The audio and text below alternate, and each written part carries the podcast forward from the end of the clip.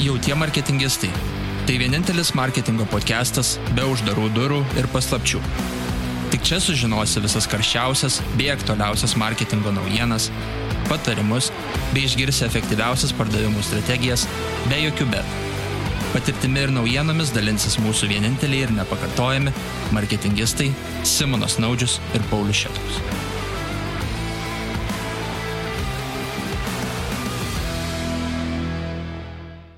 Pauliau, šiuo metu valdai virš 20 PPC projektų su apytiksliai 30 tūkstančių eurų mėnesiniu biudžetu. Kaip marketingo vilkai buvome pripratę prie AdWords interfeiso, vėliau pasirodė Google Ads, o dabar vėl turime naują versiją.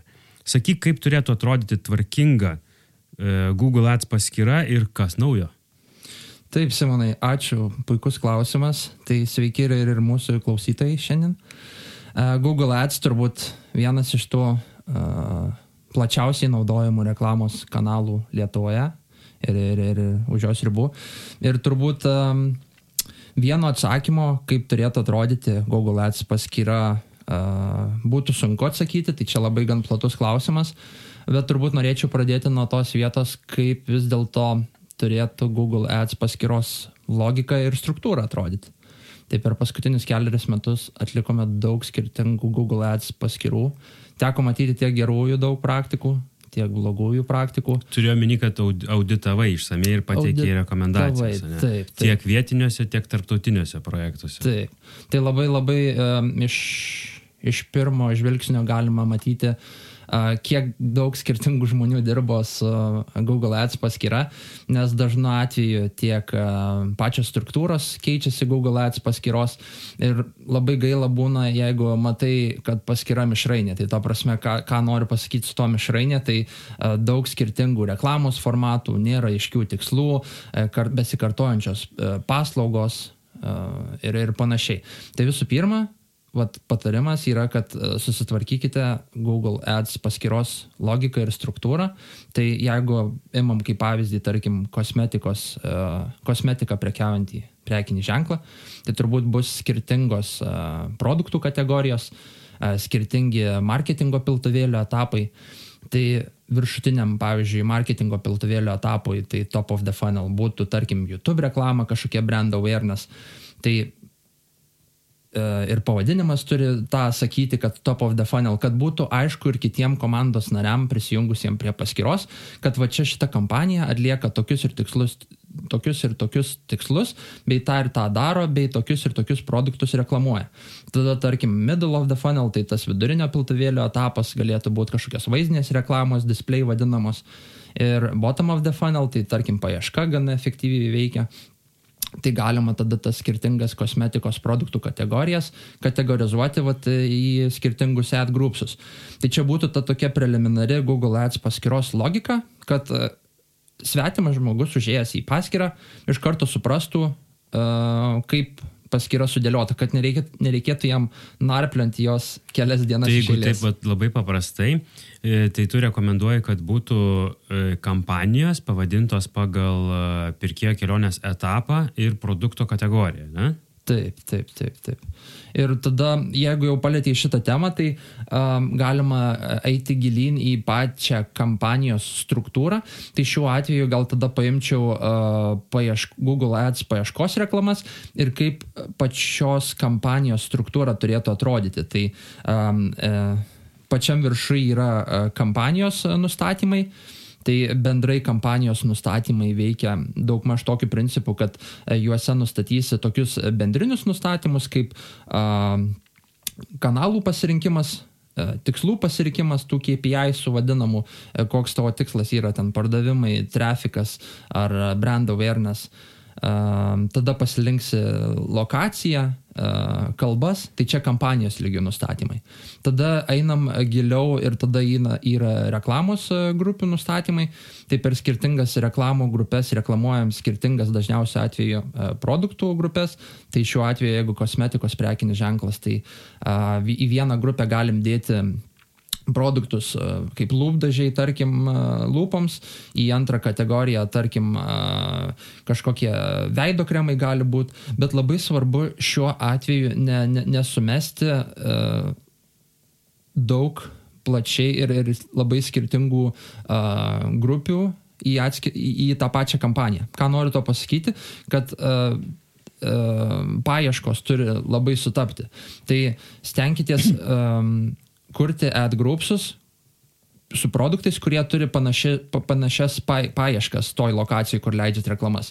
Tai bloga būtų praktika, jeigu, tarkim, lūpdažių per mėnesį ieško ten, nežinau, šimtas tūkstančių, o, o tų kremukų kažkokių ieško ten dešimt tūkstančių. Tai automatiškai visas mūsų biudžetas nueis į tą didesnę groups, reklamos grupę ir, ir ne, neduos prasitestuoti tai mažesniai. Tai reikėtų labai sukombinuoti šitą vietą gerai. Ir tada taip pat kalbant apie reklamos grupės, šitoj vietoj būtent um, testuojam naujus targetimus, ta, targetimus, tikslinės auditorijas. Tai galim vienam e, ad groupse testuoti vieną auditoriją, kitam kitą auditoriją. Ir tada visiškai jau paskutinis tas etapas tai yra jau patys skelbimai. Tai skelbimų lygmenių, skelbimų lygmenių testuojam skirtingus landing pages, skirtingas antraštės, aprašymus, extensionus Ir turbūt uh, tiek būtų. O tai su keywordais. Dar turbūt jeigu suplaksi daug skirtingų įvairių keywordų į vieną atgrupsą, tada bus ir quality scoras prastas, landing page nebus tų keywordų, tada bus paspaudimas brangesnis negu konkurentam ir taip toliau. Tai va, gali gal dar keywordų temą paliesti per e, kampanijas. Jo, tai keywordsai yra tada prie reklamų grupių uh, lygmenių.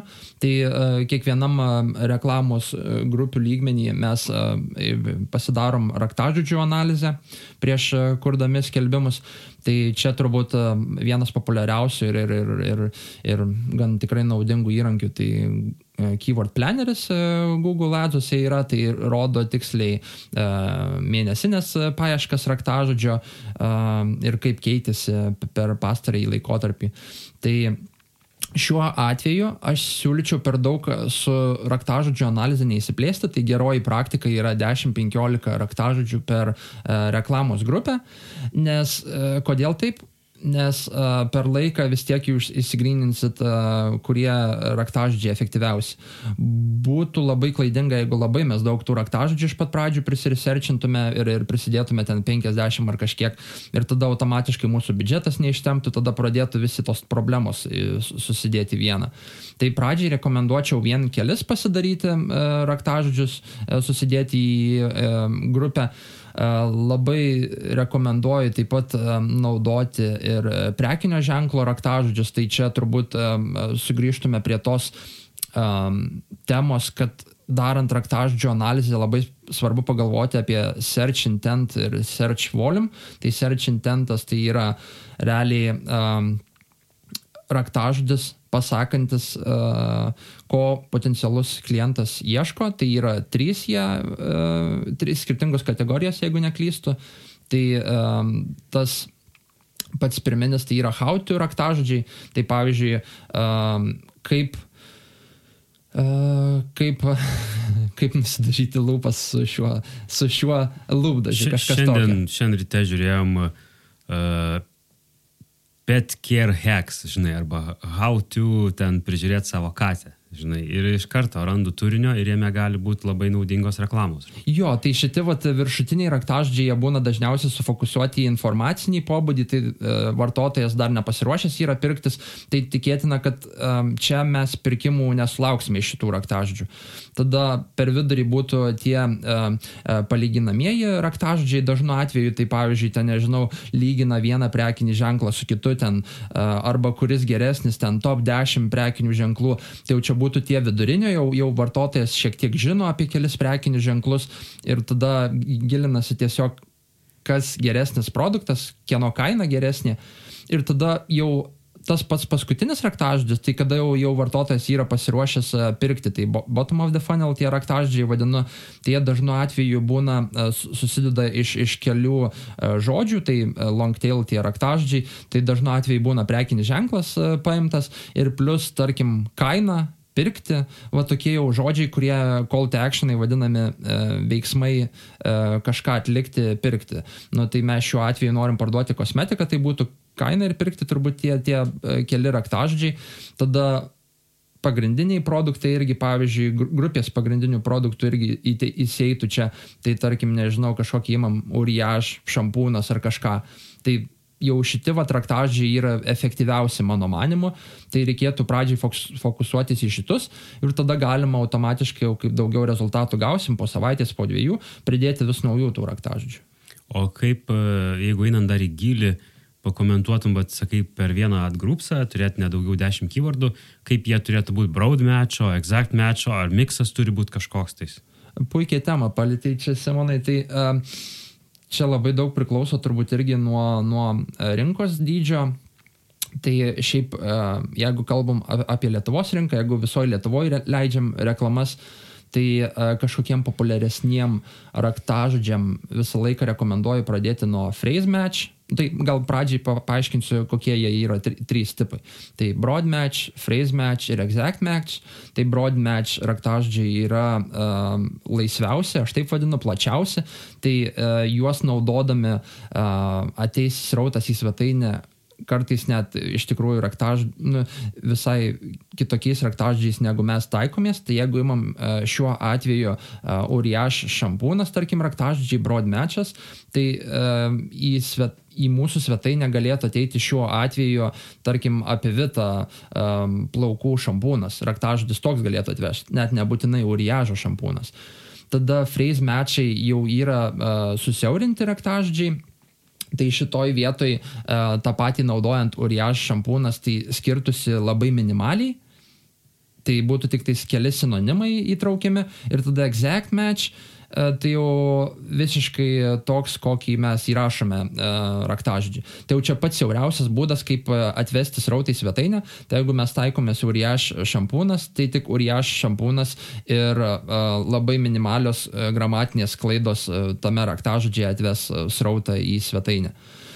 Tai grįžtant tada prie, prie to patarimo, kaip reikėtų iš pradžių formuluoti raktažodžius savo reklamų grupėse, Tai iš pat pradžių rekomenduočiau naudoti kombinaciją phrase match ir exact match.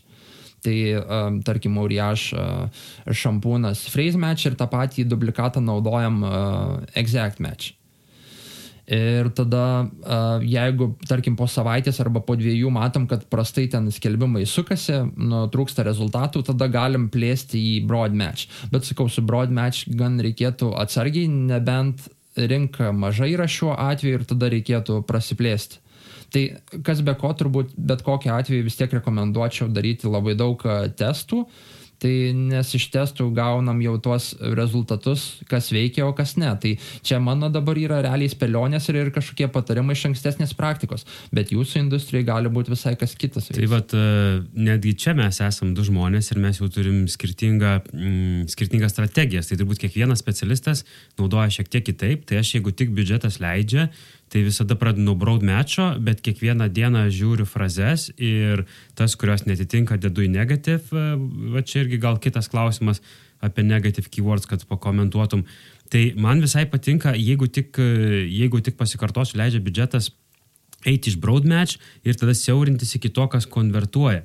Nes eidamas per phrase match ar exact match, tu gali, okay, jeigu tu pasidarai gerą researchą keywordu ir žinai vartotojų elgseną, tai tu gali drąsiai eiti. Bet jeigu tu startuoji ir esi dar pakankamai žalias, neturi patirties, tai broad matchas, aišku, vienas keywordas suvalgys 95 procentus biudžeto, bet tu pamatysi šitam e, reporte, pagal kokius queries buvo paklikinta ir parodyta, žinai. E, bet tada tu turėsi kiekvieną dieną prie to sėdėti. Šiuo atveju iš viso galima net pasidaryti testą, tai tie vadinamai e, taikymosi technika SCAGs, tai Single Keyword Ad Groups, ir tada vieno, vieną ad groupsą pasidarom su broad match, o kitą su phrase match, vienu raktažodžiu. Ir tada mums viskas bus aišku po savaitės, po dviejų, kas būtent su tuo uh, produktu geriau veikia, ar, ar phrases, ar, ar broad matches. Bet jie tada tarpusavį konkuruos, nes broad matchai įeis to phrase matcho variaciją. Jo, bet čia vis tiek būtų būdas, kaip galėtume patestuoti. Jie konkuruos. Gerai, tai gal apie negative keywords dar žodelį tartum? Jo, tai negative keywords um, e, reikėtų irgi periodiškai optimizuoti. E, optimizuoti tai eiti per search termus pasirinktojo pastarojo periodo ir pridėti prie negative listų. Tiesa, reikėtų gan atsargiai su jais irgi, nes jie veikia tuo pačiu principu, tai galime exact match, phrase match ir broad match, tai broad match nerekomenduojama daryti negatyvų, nes tada realiai paieškų nesurinksit. Buvo čia keli irgi tokie atvejai, kai teko daryti auditus ir, ir uh, impressionų visai skelbimai nesurinkdavo, pasirodo, kad labai daug buvo broad matchų negative keyword liste. Tai um, geriausia vien tik tais exact matches naudot, o šiaip jeigu uh, tikrai ten nereikia kažkokio, tai galima dar į, į phrase matchą, bet čia labai jau atsargiai reikėtų su tuo daryti. Tai realiai periodiškai tai mes komanda, tai jeigu uh, kažkokia vidutinio dydžio paskyra, tai kas savaitę optimizuojam tos negative keywordus, bent Lietuvos rinkoje. Jeigu didesni biudžetai, tai tą reikėtų automatiškai dažniau daryti. Tai čia labai irgi uh, pagal, nežinau, ar taip galima sakyti, pagal skonį tuos negative keywordus irgi optimizuojam, nes um, imant kelis tuos pačius prekinius ženklus prekiaujančius panašia kosmetika, uh, ir, pavyzdžiui, vieniem konkurentų raktaždžiai uh, generuoja pardavimus, nu, tarkim, nežinau, uh, jie neturi tos produkcijos, bet panašiai prekiauja, bet jie padeda atvesti srautą, kuris galiausiai atlieka pirkimą, o kitiem tie neveikia dalykai. Tai ką rekomenduočiau čia uh, nusistatyti kažkokias metrikas, pagal kurias jūs optimizuosit uh, neigiamus raktaždžius. Tai tarkim, per savaitės bėgį raktaždis ten surenka parodymų uh, 20 ir jeigu CTR populiarus arba ten e, klikai, skaičiai maži, tai reiškia, kad jis nėra populiarus, nu, jis negeneruoja paspaudimų į svetainę, tai reiškia, jis nebenaudingas yra. Tai naikinam ir viskas tiesiog smulkmeniškai. Kartais būna net sunku naikinti raktažus, kuriuos tu iš pat pradžių tikėjai ir net pats įdėjai juos, bet jie tiesiog neveikia. Ir, nu, ta prasme, turi atsisveikinti, nes bereikalingai išvaistai biudžetą. Tai optimizuojant biudžetą, tada mes juos dedam į neigiamus raktažus. Tai kaip jautiesi, kai pamatai tokią paskirą Google Ads, kur Uh, optimization score'as 50, tada verification notification'as iššokęs, tada kampanijos budget limited, žodžiu. Tai vad kokia būna tavo pirmoji reakcija, kai ja. tenka tokį audituoti? Tai pirmoji reakcija būna uždaryti laptopą ir eiti arbatas pasidaryti virtuvę. o šiaip tai paskui biškiai atvėsti ir tada vėl įsijungi laptopą ir tada pradedi spręsti uh, problemas vieną po kito. Tai uh, ką šiuo atveju darau, tai nu, tiesiog į vieną problemą susifokusuoju. Susifokusuoju vieną ir sprendė ne prie kitos problemos. Um, dabar gal dar šiek tiek paplėtočiau tą temą tada dėl uh, pačio uh, skelbimų adscore. Tai uh, Šiaip tikrai uh, rekomenduoju followinti tos uh, jų rekomenduojamas gairias ir panašiai, bet pastebėjau, kad ne visose rinkose tas adscore'as gerai veikia. Ypač Lietuvoje aš dažnai susiduriu su ta problema arba ten pabaltyje, jeigu skelbimus leidi Latvija, Estija. Uh, kad e, e, ad score'as, Google rekomendacijos tos jos e, ne taip efektyviai veikia, ypač naujiems skelbimam. Tai gal dar reikia laiko susikalibruoti ar kažką. Tai būna dažnu atveju rodo ten pur score, nors ta prasme viskas ten ir iš, ir iš vertėjų gauni ir tekstus, ir ten vaizdai pridėti, ir ten landing page'ai veikiantis latvių kalba, ten tarkim viskas atrodo gerai, bet tavo skoras ten low, žinai, būna. Ir tada ten klientai nusinti prieš paleidimą approvalą, tai sako, kodėl čia tas low score, žinai, kad čia prastai skelbimai padaryti.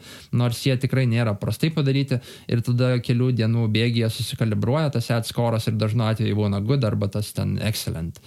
Tai um, svarbu jį sekti tas rekomendacijas, bet aklai netikėkite, kad jeigu rodys ten iš pat pradžių, kad uh, iš prat pradžio, jeigu rodys, kad skelbimas uh, nėra excellent, tai nenusiminkit, pasileiskite. Tai tu čia dvi palėtėjai, tai yra tas ad strength ne, ir yra optimization score. Tai ten tai, recommendationai. Tai tie recommendationai, aš tai dažnai juos peržvelgiu, bet didžiąją dalį praleidžiu, nes jie tokius siūlo labai bendrinius dalykus, kurie, pavyzdžiui, gyventinti kitais būdais ar dar kažką. Tai jeigu turbūt jos tiesiog automatiškai visus aplaintum, o optimization score'as padidėtų, e, padidėtų tavo išlaidos, e, reiktų tiesiog daugiau biudžeto ar daugiau būtų rezultatų, tai klausimas. Tai aklai negali turbūt nieko uh, spausti tiesiog apply. Ne, faktas, faktas. Ypač šitą prasme supraskim tą, kad e, Google Ads interesas vis tiek yra uh, iš reklamuotojų spausti maksimalų biudžetą. Tai ta labai gaji praktika yra, kad kas savaitę vis matai, pakelk biudžetą, bus daugiau pardavimų, ten pakelk kelk tą biudžetą ir, ir ribų ten realiai nėra, ta prasme visą laiką limited biudžetas. Tai nu, Google yra suinteresuotas tą, suprasime, kad uh, nori išleisti kuo daugiau pinigų, tave skatina. Bet šioje vietoje gal keyword planeris gerai veikia, nes pavyzdžiui, su mažesnės apimties specifiniais keywordais realiai tu ten gali prognozuoti, kiek bedidinsi biudžetą, konversijos procentą, vis tiek tai sako, savo to keywordu tu uh, išleisi ten 70 eurų, gausi, žinai, ten uh, e, 30 paspaudimų ir turėsi ten penkias konversijas, žinai, kiek tu biudžetą bedidinsi, prognozavimo įrankis vis tiek pakankamai gerai atsimuša nuo volumo, nuo, nuo paieškų, žinai. Čia va teko nagrinėti tą temą, kuri netrukus būmins, netrukus proks, tai yra šitų uh, tvarumo ataskaitų, nes jos privalomos taps įmonėms, žinai. Uh, tai, tai šitas, pavyzdžiui, keywordas, tai šiuo metu tu dėk kiek nori pinigų, nuo to tu daugiau paspaudimų, žinai, neturėsi. Ir tą keyword planeris parodo puikiai, žinai.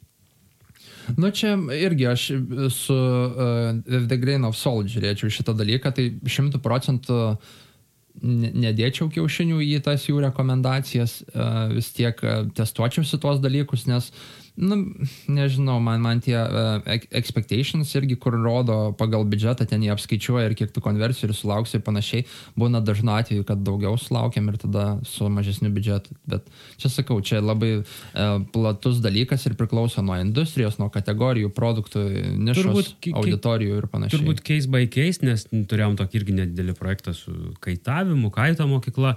Nu, tai tos uh, prognozijas realiai pasitvirtino, nes ir biudžetas net nebuvo išnaudotas, žinai, tokį, kokį numatėm, žinai, aišku, ir trumpas ten sezonas.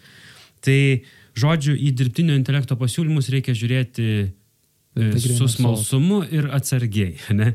Taip. E, dar neprieėm prie tų laikų, kad jau gali tiesiog perbraukti banko kortelę, spausti start ir tikėtis, kad viskas vyks kokybiškai ir nuostabiai.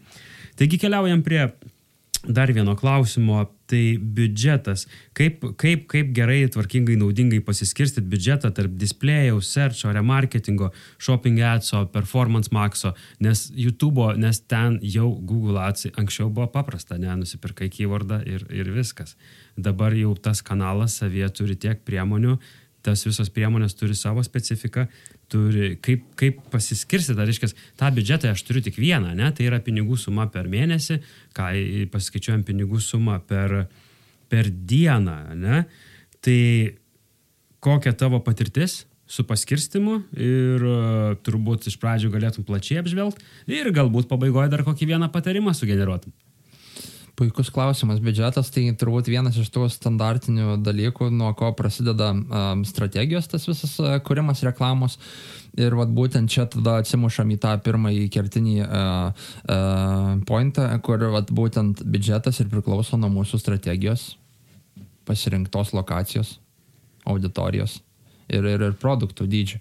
Tai uh, taip pat uh, susikūrus reklamos strategiją, tai jau matysime daugmaž e, kokios kampanijos ves srautą, tai tos top of the funnel kampanijos. Tai dažnu atveju čia tada būtų um, YouTube kampanijos, Performance Max irgi labai efektyvos uh, kampanijos. Šiuo atveju tos pačios display galėtų vesti srautą. Tai top of the funnel kampanijom uh, skirsime didžiąją dalį biudžeto, nes norėsime to pritraukti kuo daugiau srauto. Tai uh, remarke, būtų klaidinga, jeigu remarketingui skirtume didesnėje dalį biudžeto, nebent mes kalbame apie tikrai, tikrai labai labai didelius uh, prekinius ženklus ir, ir, ir mūsų uh, remarketingo auditorija yra tikrai plati. Tai nebent tokiais atvejais tiktų remarketingui didesnis biudžetas, bet šiaip bendrai paėmus tai bus vis tiek uh, pritraukti naują srautą didesnis biudžetas, tai apie kokį skaičiuokim 60, tarkim, procentų, 50 galbūt procentų. Tada uh, apie kokį 20 procentų, 25 eitų į middle of the funnel kampanijas, tai čia būtų uh, tos vat, consideration kampanijos, kur vadinu, tai um, lyginam mūsų kosmetikos prekinį ženklą su kitais konkurentais ir kuo jis geresnis, tai ar ten kaina, ar ten galbūt e, medžiagos kažkokios organinės naudojamos, tai ten tinka tokie formatai tie patys ir PMAX tinka, ir, ir, ir display kampanijos tinka. Tai čia dar vis taikomės į šaltą srautą, bet jau e, su intencija, kad e, žmonės ieško rekomendacijų, kuris prekinis ženklas geriau veikia. Tai ar mūsų kosmetikos prekinis ženklas, ar konkurentų. Tai čia būtų apie kokį 25 procentai biudžeto ir tada jau... Kokios tai būtų kampanijos, ar labiau serčio, ar kažkokios? Display, aš sakyčiau, vaizdinės daugiau. Tai, tai vaizdinės ta pati YouTube irgi galėtų būti, bet tada reikėtų gerai pasigalvoti patį formatą YouTube, ką gal irgi prieisim prie, prie, per šiandieną podcastą prie YouTube reklamų. Ir tada pačiam jau paskutiniam tą funnelio etape, tai bottom of the funnel kampanijos, tai um, remarketingui pasiliekam apie 20 procentų, kažką tokio 25 biudžetą procentų. Tai čia jau taikomės į asmenis, kurie apsilankė svetainėje, tačiau nepirko, galbūt peržiūrėjo produktą, galbūt įsidėjo į krepšelį, galbūt užmiršo, galbūt, nežinau, baigėsi pinigai sąskaitai, laukia atlyginimo ir panašiai. Tai mes rem, e, pakartotinai taikomės į tuos asmenis su kažkokiu geru super pasiūlymu. Tai nežinau, ar ten nuolaidos kodas ar kažką, ir tada stengiamės juos sugražinti į svetainę, kad atliktų tą pirkimą. Tai čia būtų preliminariai skaičiuojant pagal procentaliai biudžetus. Tai šiaip Mano manimu yra daug paprasčiau išsiskaičiuoti procentaliai biudžetą, negu imti ten dienos biudžetą. Taip pat galima biudžetą apsiskaičiuoti ir imant pagal search volume ir, ir ten paspaudimų kainas arba peržiūrų kainas. Tai čia būtų kita ta strategija, kaip galėtume įsiskaičiuoti biudžetą. Bet tarkim, jeigu turim ten 1000 eurų per mėnesį biudžetui, tai viską taip paprastai kažkaip ir pasidalinant, tai top of the funnel ten 500 eitų, tada middle of the funnel 250 ir tada remarketingui 250 arba kokie 200 eurų. Ir e, tada, jeigu kalbam apie skirtingus reklamos formatus, kaip ir paminėjai, paieška, tai uh, display shoppingo kampanijos, PMAX kampanijos, tai čia labai viskas priklauso nuo strategijos. Tai um, Šiaip uh, iš praktikos matome, kad performance max ir, ir paieška vis dėlto efektyviausia, jeigu mes siekiam pardavimų. Uh, Tai uh, jeigu mūsų tikslas yra pardavimai, tai tada didinčiau biudžetus šitose kampanijų tipuose, reklamos formatuose. Jeigu mūsų tikslas yra pasiekti kuo didesnę naują, šviežią auditoriją, tai turbūt rinkčiausi YouTube reklamas. Tai čia mano manimu yra televizorių TV reklamos e, alternatyvą internete, pasiekti jaunesnėje kategoriją žmonių tikslinę, bet, nu, ta jaunesnė tai irgi realiai, nu, ta prasme, žmonės e, ir virš 50 būna žiūri YouTube, tai jau tas gal faktorius jau irgi nebegalioja. Ir tada uh, gaila, bet Lietuvoje shopping kampanijų mes neturim, tai čia kažkaip ir patarimo negaliu pasidalinti. Tai uh, jeigu yra shopping kampanijos, tai rekomenduočiau ir shopping kampanijom gan didesnį biudžetą, tai labai efektyvu, jeigu kalbam apie e-commerce. Gerai, uh, tai vat irgi praktiškai pritariai tą pačiai mano minčiai, kad jeigu, tarkim, įvedinėjai naują produktą, tai tada gali sudėti labai daug pinigų į displejų ir, tarkim, čia buvo prieš, prieš daug metų atvejs, kai kolagenas atsirado kaip naujas produktas, tai, tai klientui buvo svarbiausia parodymai. Ne? Ir jeigu ten yra 6 e, milijonai parodymų per mėnesį per Lietuvą, tai yra labai geras skaičius ir ten tie kliksai yra nesvarbu, nes ir ta distribucija eina per, per vaistinės, nėra tiesiogiai parduodama. Tai, o jeigu verslas yra mažas arba performance orientuotas čia ir dabar uždirbti pinigus, tada visus kiaušinius dedi į serčą, kur žmogus jau ieško, žino, ko nori ir ieško geriausio pasiūlymo. Ne? Tai einam prie kito klausimo, tai tikslinės auditorijos ir jų efektyvumas. In-market, Affinity, Website Visitors, jos dar gyvos, kaip jos keičiasi, jos kaip veikia, kaip tu jas panaudoji savo kasdieniam darbe. Taip, auditorijos, tai turbūt tas vienas iš core meet sudėdamųjų dalių Google Ads reklamose.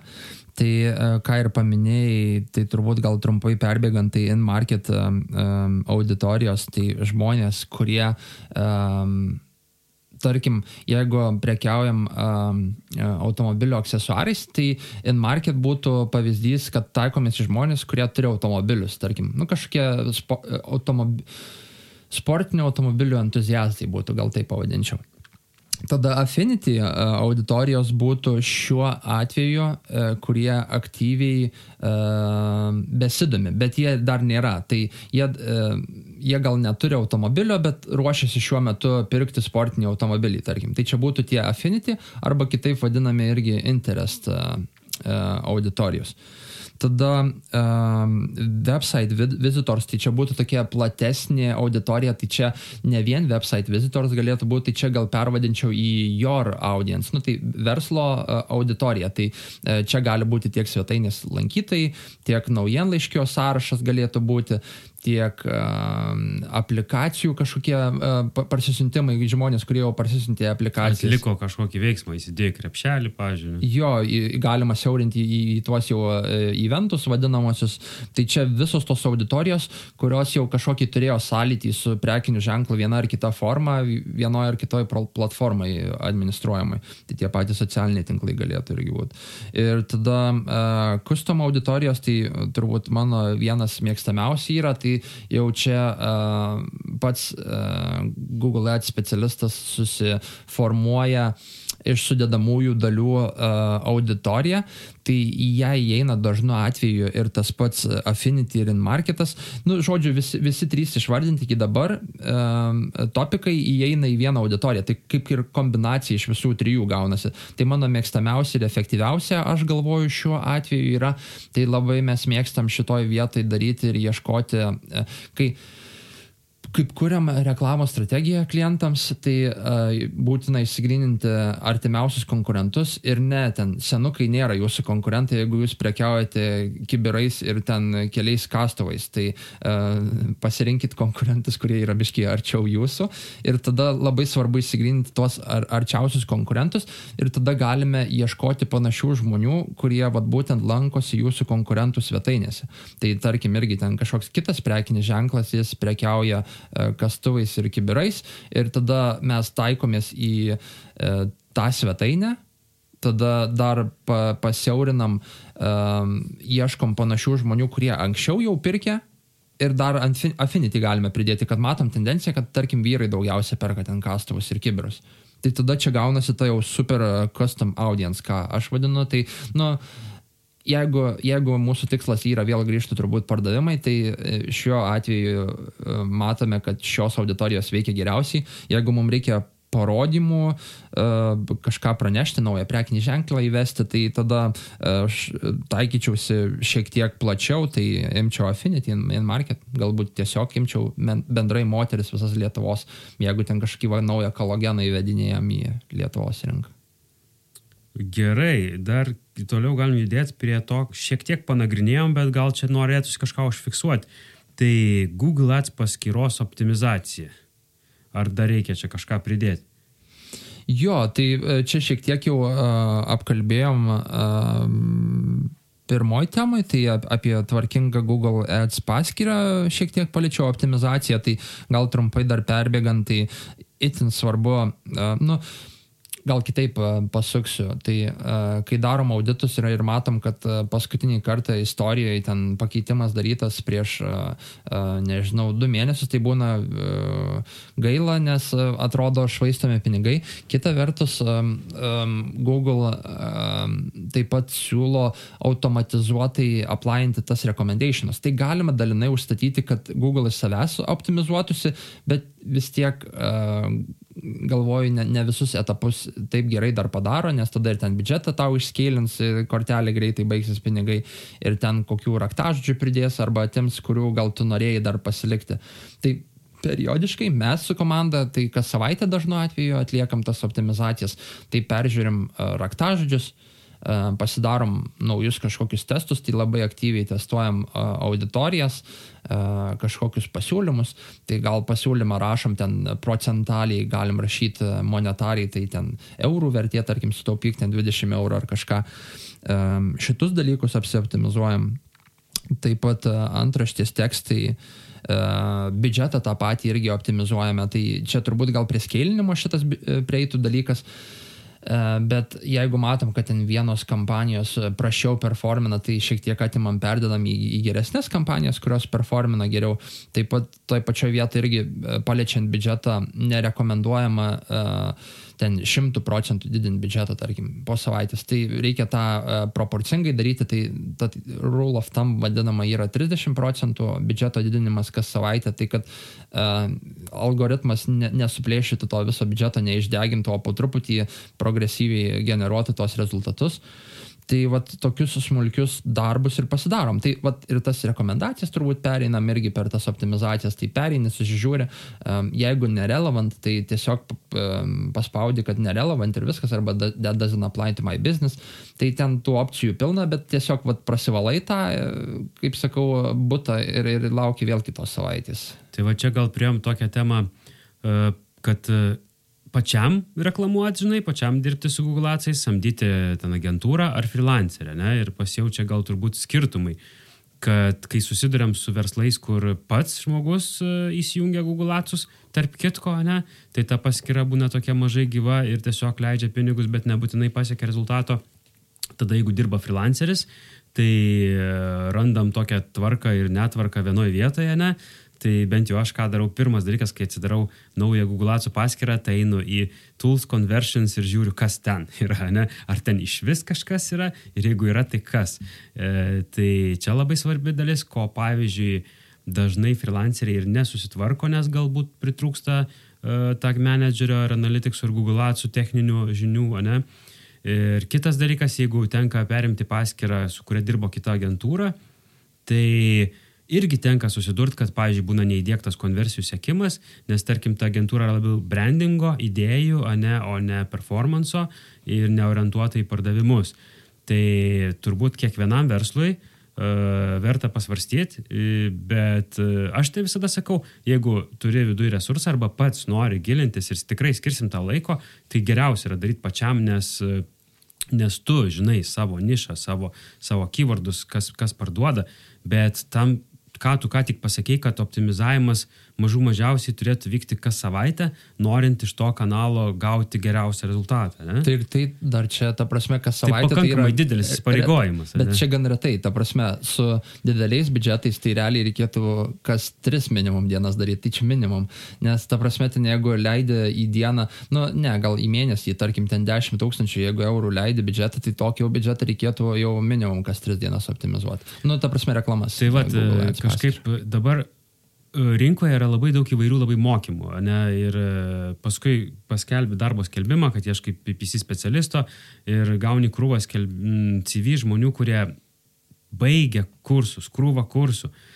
Bet aš iš karto užsiemu už galvos ir prisimenu savo patirtį su studentais, e, realiai, kai duodi jiem reklamuoti su, su, realiu, su tikru biudžetu, tikrą e-shopą, tai dažniausiai jie užstringa elementariuose dalykuose. Pavyzdžiui, kažkos paskira su kažkuo nesusieta, kažkokių teisų neturi, įvedė kažkokį kreivą keywordą, kuris visiškai neturi paieškų ir mes po savaitės turim aptarti rezultatus, atsidarom paskirą ir ten nieko, nulis, žinai. E, tai e, va čia turbūt gal mano patarimas tiem žmonėm, kurie nori ateiti kaip specialistai į šitą rinką, pasimkit sa, savo kažkokį tais reklamuokit dalyką giminaičių, draugų ar kažką ir išleiskit bent tą šimtą eurų, e, kad e, susidurtumėt su tais dalykais, nes e, taip atrodo dabar dirbtinio intelekto eroje, kad skaitinis marketingas, marketingas yra toks flow, kad viskas plaukia vieno mygtuko paspaudimu ir yra intuityvu, bet dėja ne, yra stringama ne ant reklamos paleidimo, net ant paskiros paleidimo. Ne?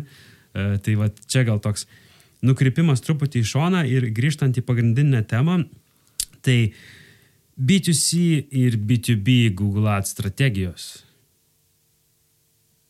Skirtumai, ne? Tai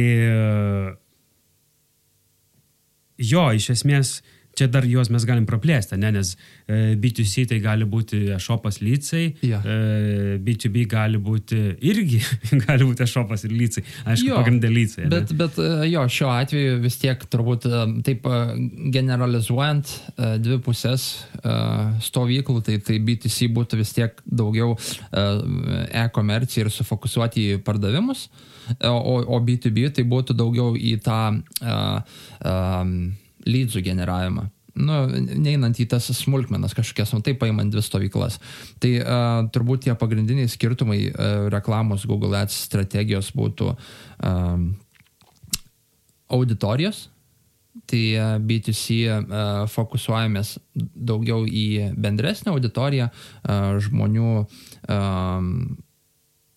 kurie bet kokias profesijas užima, nu, ta prasme, mes labai nesiaurinam tos auditorijos. Tai e, tą mūsų kosmetiką gali pirkti, yra tiek ir pati vyriška kosmetika, tie patys vyrai gali pirkti, e, moterys, e, nežinau, moteris besidažintis lūpas, ten kosmetika veidui ir įvairiai, tai tas labai platus dalykas, o B2B tai vis tiek jau mes daugiau fokusuojamės į verslą, tai vadybininkai. Kosmetikos didmena, ne? Didmena, kosmetikos didmena jo tiekimas.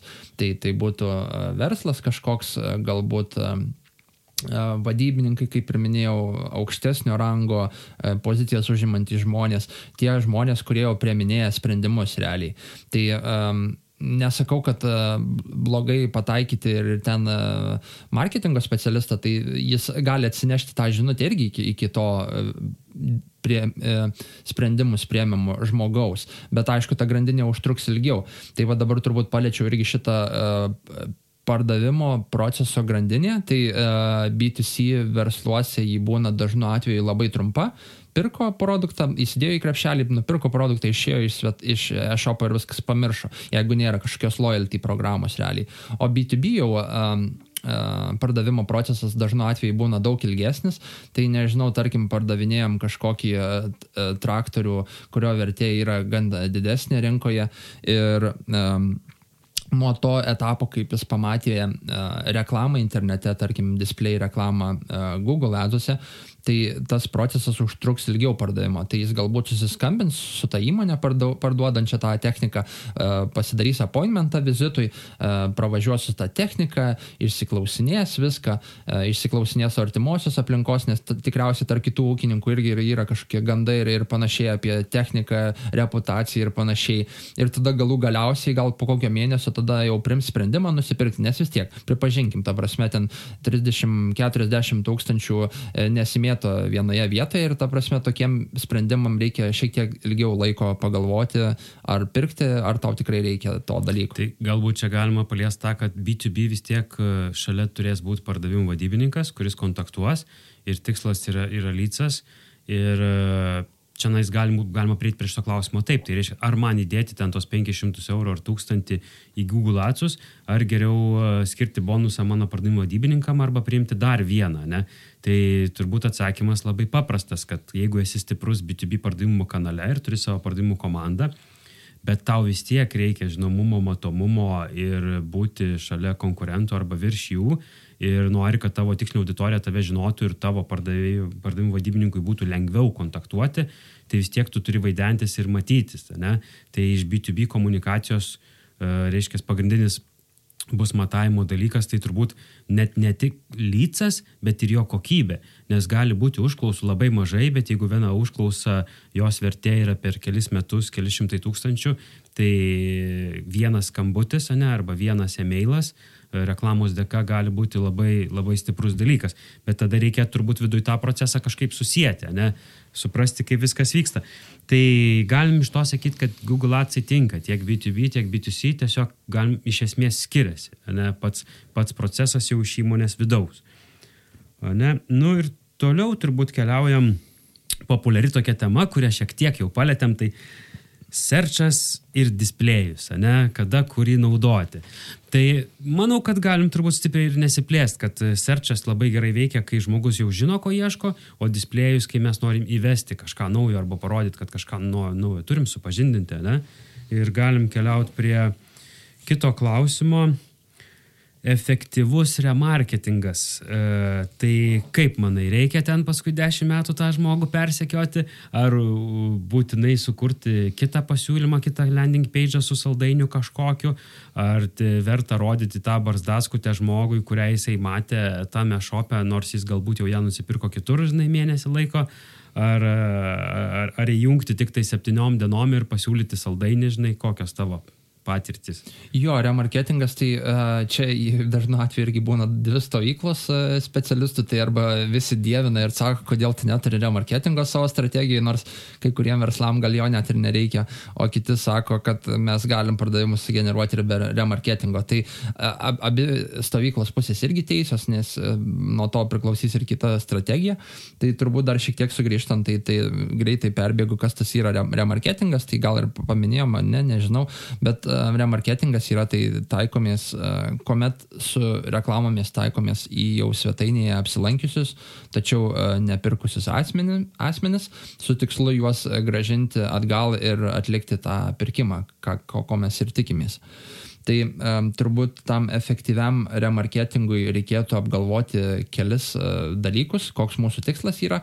Tai ar mes um, norime čia ir dabar, um, kad jis nupirktų, arba galbūt mes naudojam remarketingą kaip loyalty sistemą. Tai ta prasme, tada jeigu mūsų remarketingas yra kaip loyalty sistema, kad vis mes kas kažkiek laiko jam primenam, kad vis dar egzistuoja čia mūsų tie lūpdažiai ir, ir, ir, ir kosmetika kita, tai mes galim ir, ir jam ir po pusę metų atsiųsti tą remarketingo, ar dar vis nepamiršai mumis ir ten duoti kažkokią nuolaidą 10 procentų. Jeigu mes norime aktyviai čia ir dabar, tada parduoti, tada reikėtų daugiau fokusuotis į kaip vadinu, 30 dienų window. Tai e, galima, aišku, siaurinti 14-7 dienų. Tai labai viskas e, gražiai per pusę dalinasi. Tai net ne 30, o 28, man rodos, reikėtų imti ir tada gaunasi 14 dienų galima siaurinti auditoriją, kas apsilankė svetainė ir 7 dienų. Tai, tai čia karščiausia tai yra. Tai realiai tai čia vat, itin gerai veikia, jeigu prekinis ženklas yra gan didesnis, tai srautas gan didelis, tada mes per 7 dienas, jeigu surinkam, tarkim, kokius 5000 kažkokių add to cart eventų įsidėjimų į krepšelį, tai tada septynių dienų būtų puikus. Jeigu tas skaičius mažėja, tai automatiškai tada mūsų laiko tarpas ilgėja. Tai jeigu ten tūkstantis į krepšelį įsidėjo, bet nepirko, tada 14 dienų imti ir ten jeigu 30 dienų, tai jau ten mažiausia, tai nežinau, 500, 200 žmonių. Testavimas, testavimas, testavimas. Jo. Ir labai svarbu irgi turbūt remarketingė būtų uh, ekskludinti jau nusipirkusius. Turbūt nenorėtum gauti iš karto reklamos, kai tik nusipirkai barzdaskutę, kad tu čia, dar pirk antrą. Tai svarbus momentas. Kokias, žinai, ar naudoji kampanijų skeilinimo taktikas? Gal reikia dar šitą žodį iš, iš pakonkretinti, ką, ką tu turi menį skeilinti. Jo, skeilinimas, tai um, čia prie testavimo turbūt prieitų Google Ads uh, reklaminių kampanijų. Tai kas savaitę, kaip optimizuojam skelbimus, kampanijas, reklamos grupės, matom, kurie skelbimai geriau veikia, kurie blogiau, juos automatiškai užpozinam Tai niekada nerekomenduoju delytinti iš tikrųjų, nes pastebiu tą, kad kiti delytina, nes būna, ta prasme, dėl istorinės duomenų ir uh, galbūt ateityje kažkas pasikeis ir, nu, galbūt norėsi vėl enablinti tą kampaniją, tai visą laiką pozinkit geriau negu delytinkit. Tai čia off, off, off, offside, biški mintis nukrypo. Tai dar prie šitos e, minties, tai iš esmės, kai editini skelbimą, dinksta jo istorija. Uh, ne visi. Tai būdavo anksčiau. E, tai tikiuosi dabar to nebėra ir galima drąsiau pakeisti vieną jo. raidę ar žodį. Jo, jo, jo, jo. Tai dabar tik tais tas išliko su uh, dinaminiam paieškos reklamom, tai kur AI uh, kuri AI ieško srauto. Tai su tom kampanijom yra, kad jeigu tu paeditini, tai sukuria kaip nauja ir tada nebelieka tos istorijos. Tai dar yra tas ir aš labai nesuprantu, kodėl taip yra, kad panaikina tą istoriją ir kelis kartus. Ir su raktažodžiai dar tas pats irgi yra. Tai jeigu raktažodį, tą patį raktažodį, jeigu iš phrase matcho į broad matchą padarai, tai dinksta istorija, tai taip nedarykit. Bet sugrįžtant prie kampanijų skėlinimo taktikos, tai uh, jau kelis uh, dalykus pasiminėjau, tai um, kas savaitę atliekam tas optimizacijas ir matom, kurios kampanijos skelbimai geriau veikia, tai mes automatiškai norim išspausti daugiausia sulčių, kiek galima iš jos maksimizuojant rezultatus. Tai čia ir yra tas skėlinimas, kad praplėsti kampanijas, kad dar generuotų daugiau srauto, daugiau biudžeto ir panašiai. Tai kaip galima skėlintas kampanijas? Tai raktažodžių plėtimas vienas iš pirmųjų būdų. Tai va ką ir minėjau, tai jeigu mes jau pradedam nuo broad matcho, tai jau mes scaling nebegalim to dalyko. Tai realiai nuo, nuo phrase matcho tada mes galim bandyti broad match, jeigu žiauriai gerai veikia ta kampanija, tada šaunam į broad match. Tai čia būtų raktažodžių plėtimas. Tikslinės auditorijos plėtimas. Tai čia automatiškai uh, tas galim kaip pagal demografiją, tarkim, jeigu taikėmės į moteris 25 ir 50 metų, tai galim didinti tą auditoriją. Tai nuo 18 taikomės iki ten šiam 5 ar kažką tokio. Tai auditorijos plėtimas, biudžeto didinimas. Tai šiek tiek irgi užsiminiau šitą, tai per daug neskubėkite su to biudžeto didinimu, kas savaitę po 30 procentų is the rule of thumb. Tai, tai toks gerosios praktikos patarimas. Ir tada lokacijos didinimas. Lokacijos didinimas tai uh, irgi savaime suprantama, tai jeigu ten taikomės pagal spindulį, ten vietoj 50 km galime 100 dėti ir panašiai. Ir dar vienas visiškai paskutinis yra tai kampanijų dublikavimas. Tiesa, kaip tu ir sakai, paskui gali pradėti konkuruoti tarp savęs, bet dažnu atveju tas veikia, jeigu turim labai didelius biudžetus, tai dublikuojant kampanijas irgi E, jau esančias galima skilinti.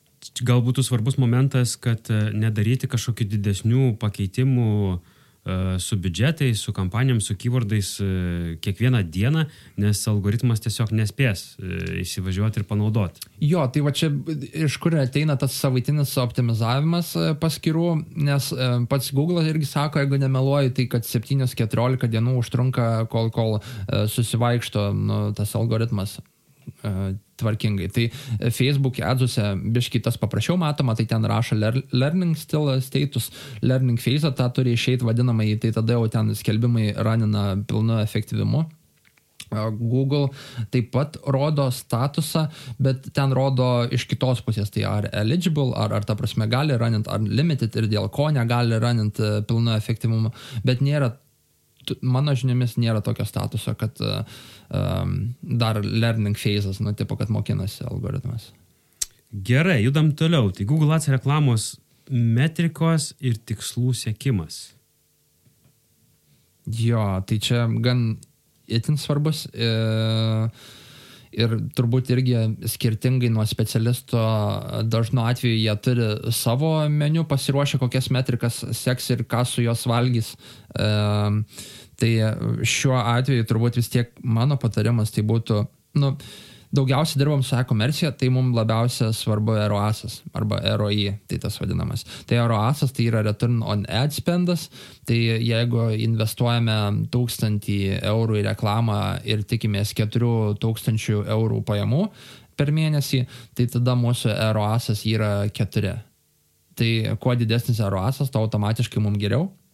Kuo skiriasi ROI, tai return on investment nuo ROAS, tai return on investment yra kuomet imam, kiek išleidom į reklamą, tai tą patį tūkstantį, bet jau kiek sugeneruota nebe pajamas imam, o jau patį uždarbį. Tai čia toks biški griežtesnis yra matavimo būdas, specialistai jo nelabai mėgsta.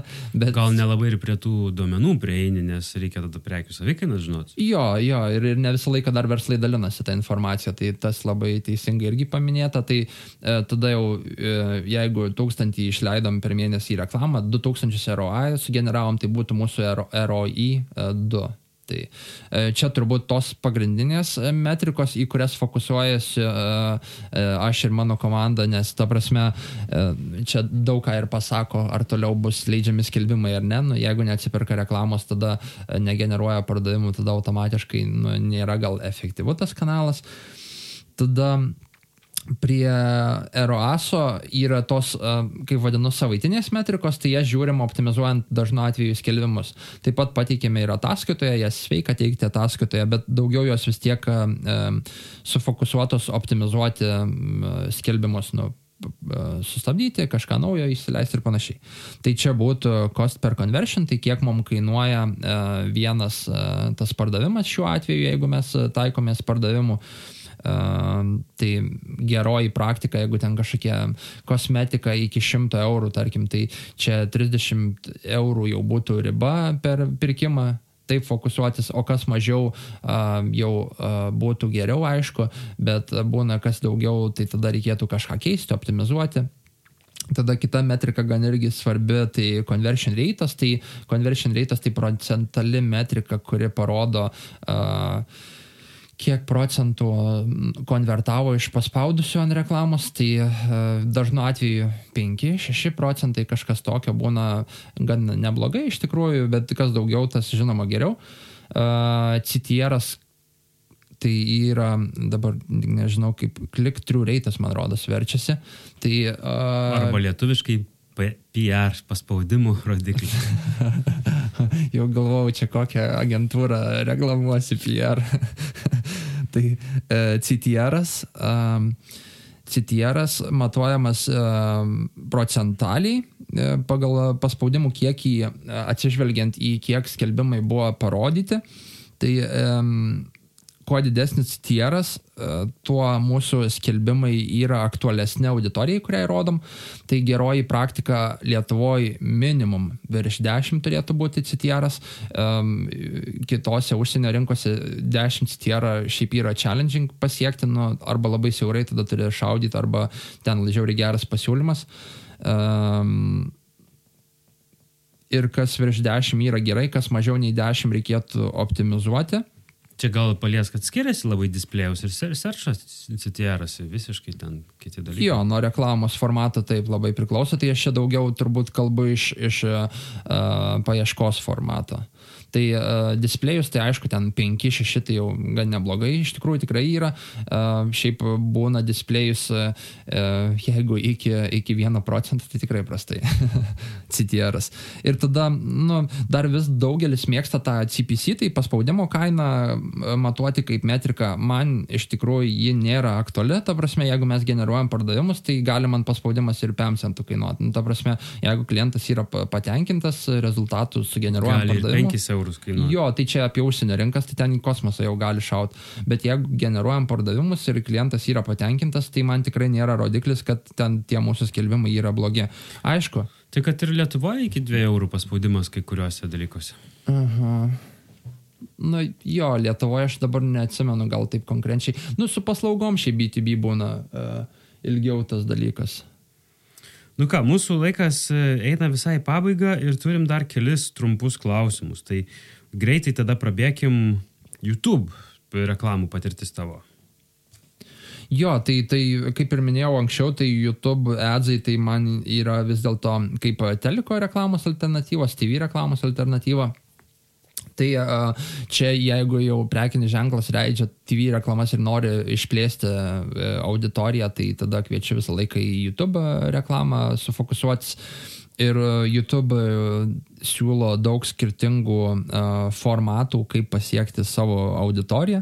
Tai uh, yra keli pagrindiniai jų, tai non-skippable, tai iki 15 sekundžių uh, video reklama, tai dažnu atveju šis formatas itin efektyvus yra, jeigu jeigu taikomės uh, į kažkokius pasiūlymus, tarkim, ten top spalio kosmetikos produktai. Ir tipo iki 15 minučių ten 10 kokį produktų būna sudėti. Tai labai efektyvus toks formatas būna.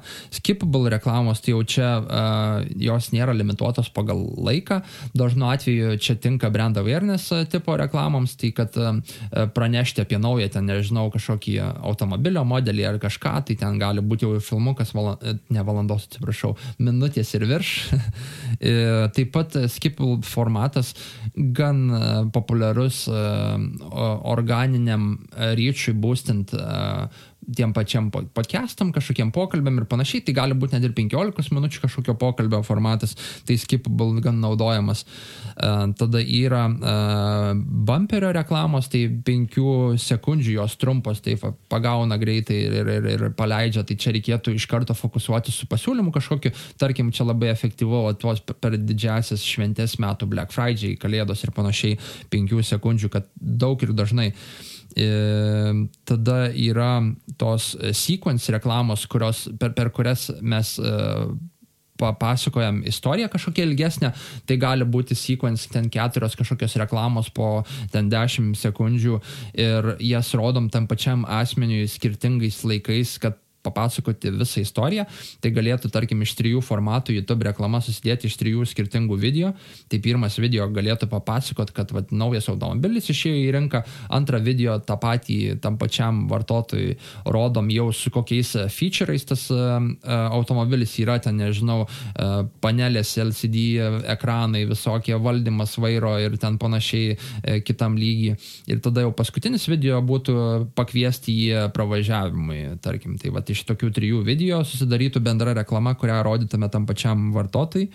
Ir tada e, infeed adsai, tai vieni iš geriausių formatų uh, yra uh, organ, organiniam uh, video turiniui boostint, tai jeigu va, turim tą patį podcastą YouTube, tai tada infeed adsai vienas iš geriausių yra, nes organiniu būdu tada uh, potencialiam žiūrovui mes feedę YouTube rodom jam tą reklamą ir va, pažiūrėk čia podcastą tarp kitų panašių. Tai realiai, ta prasme, čia panašiai veikia kaip paieškos skelbimas tarp kitų panašių, išmetam aukščiau tiesiog į viršų.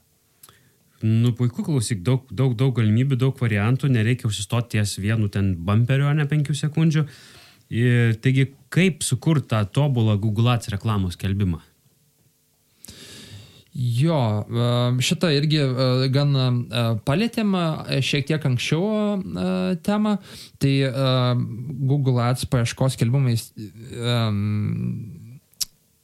gan e, e, efektyvus stil, tai turbūt visi norim juos optimizuoti ir, ir, ir sukurti kaip įmanoma efektyviau. Tai visų pirma, e, atsižvelkite į kampanijos struktūrą ir pagrindinius e, jos nustatymus. Tai kaip ir minėjau, e, ten lokacijos pasirinkimai, paskui networkai. Taip pat, jeigu norite sutaupyti biudžeto, tai leiskite reklamas Search Network, tai Display Network dažnu atveju nėra labai efektyvu, nebent mes norim išplėsti tą auditoriją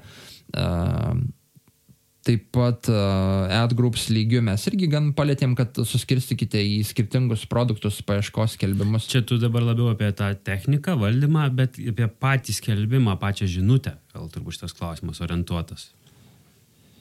Jo, tai jeigu apie, jeigu apie pačius uh, skelbimus, tai, tai uh, itin svarbu skelbimo lygmenių uh, atitinkamus landing pages sudėlioti. Uh, į produktų kategorijas arba į patį produktą, tai jau čia reikėtų irgi testuotis, žiūrėti, kokie landing page'ai veikia geriausiai. E, taip pat e, rekomenduoju tikrai išnaudoti visus e, leidžiamus laukus. Tai labai gaila būna, kaip specialistai rašina su setupinimu ir vietoj visų maksimalių, dabar net nežinau, kiek ten 15 ar kiek galima tų antraščių, būna 5 tik tais, nu minimaliai padaryta, kad tiesiog pasileis tą skelbimą. Tai ta prasme, tu leidi pinigus ir tu automatiškai neišnaudoji visų galimybių. Tai šitą dalyką įtin svarbu susižiūrėti. Ir tada aprašymai irgi visus išnaudokit, nu, tai išnaudokit visą tą royalty space, kaip aš vadinu.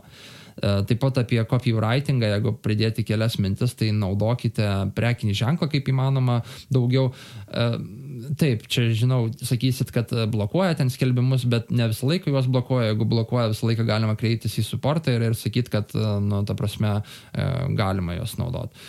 Tada skaičius įtraukite į kopį, savo, tai čia pasiūlymas tas pagrindinis su nuolaidos kodu, kažkokio galbūt akcija, procentalė. Žodžiu, pasiūlyti naudą. Jo, jo.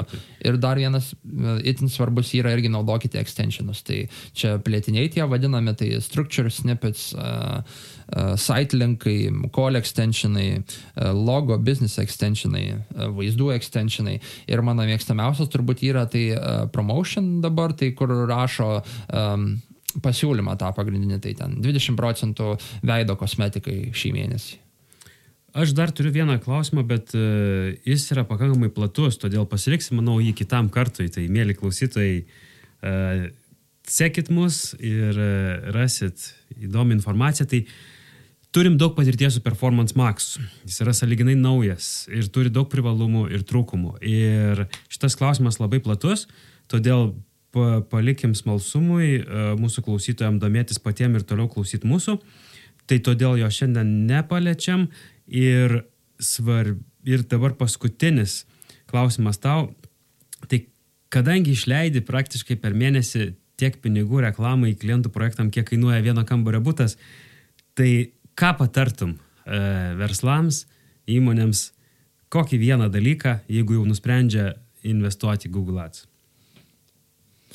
Galvojau, kad paklausiu šito, tai jeigu nori vieno sakinio, kaip, kaip, ką, kur fokusuotis, Tai turėkit e, aiškę viziją, turėkit uh, tikslus, lūkesčius, ko jūs tikitės iš tos reklamos ir kaip juos pamatuosit.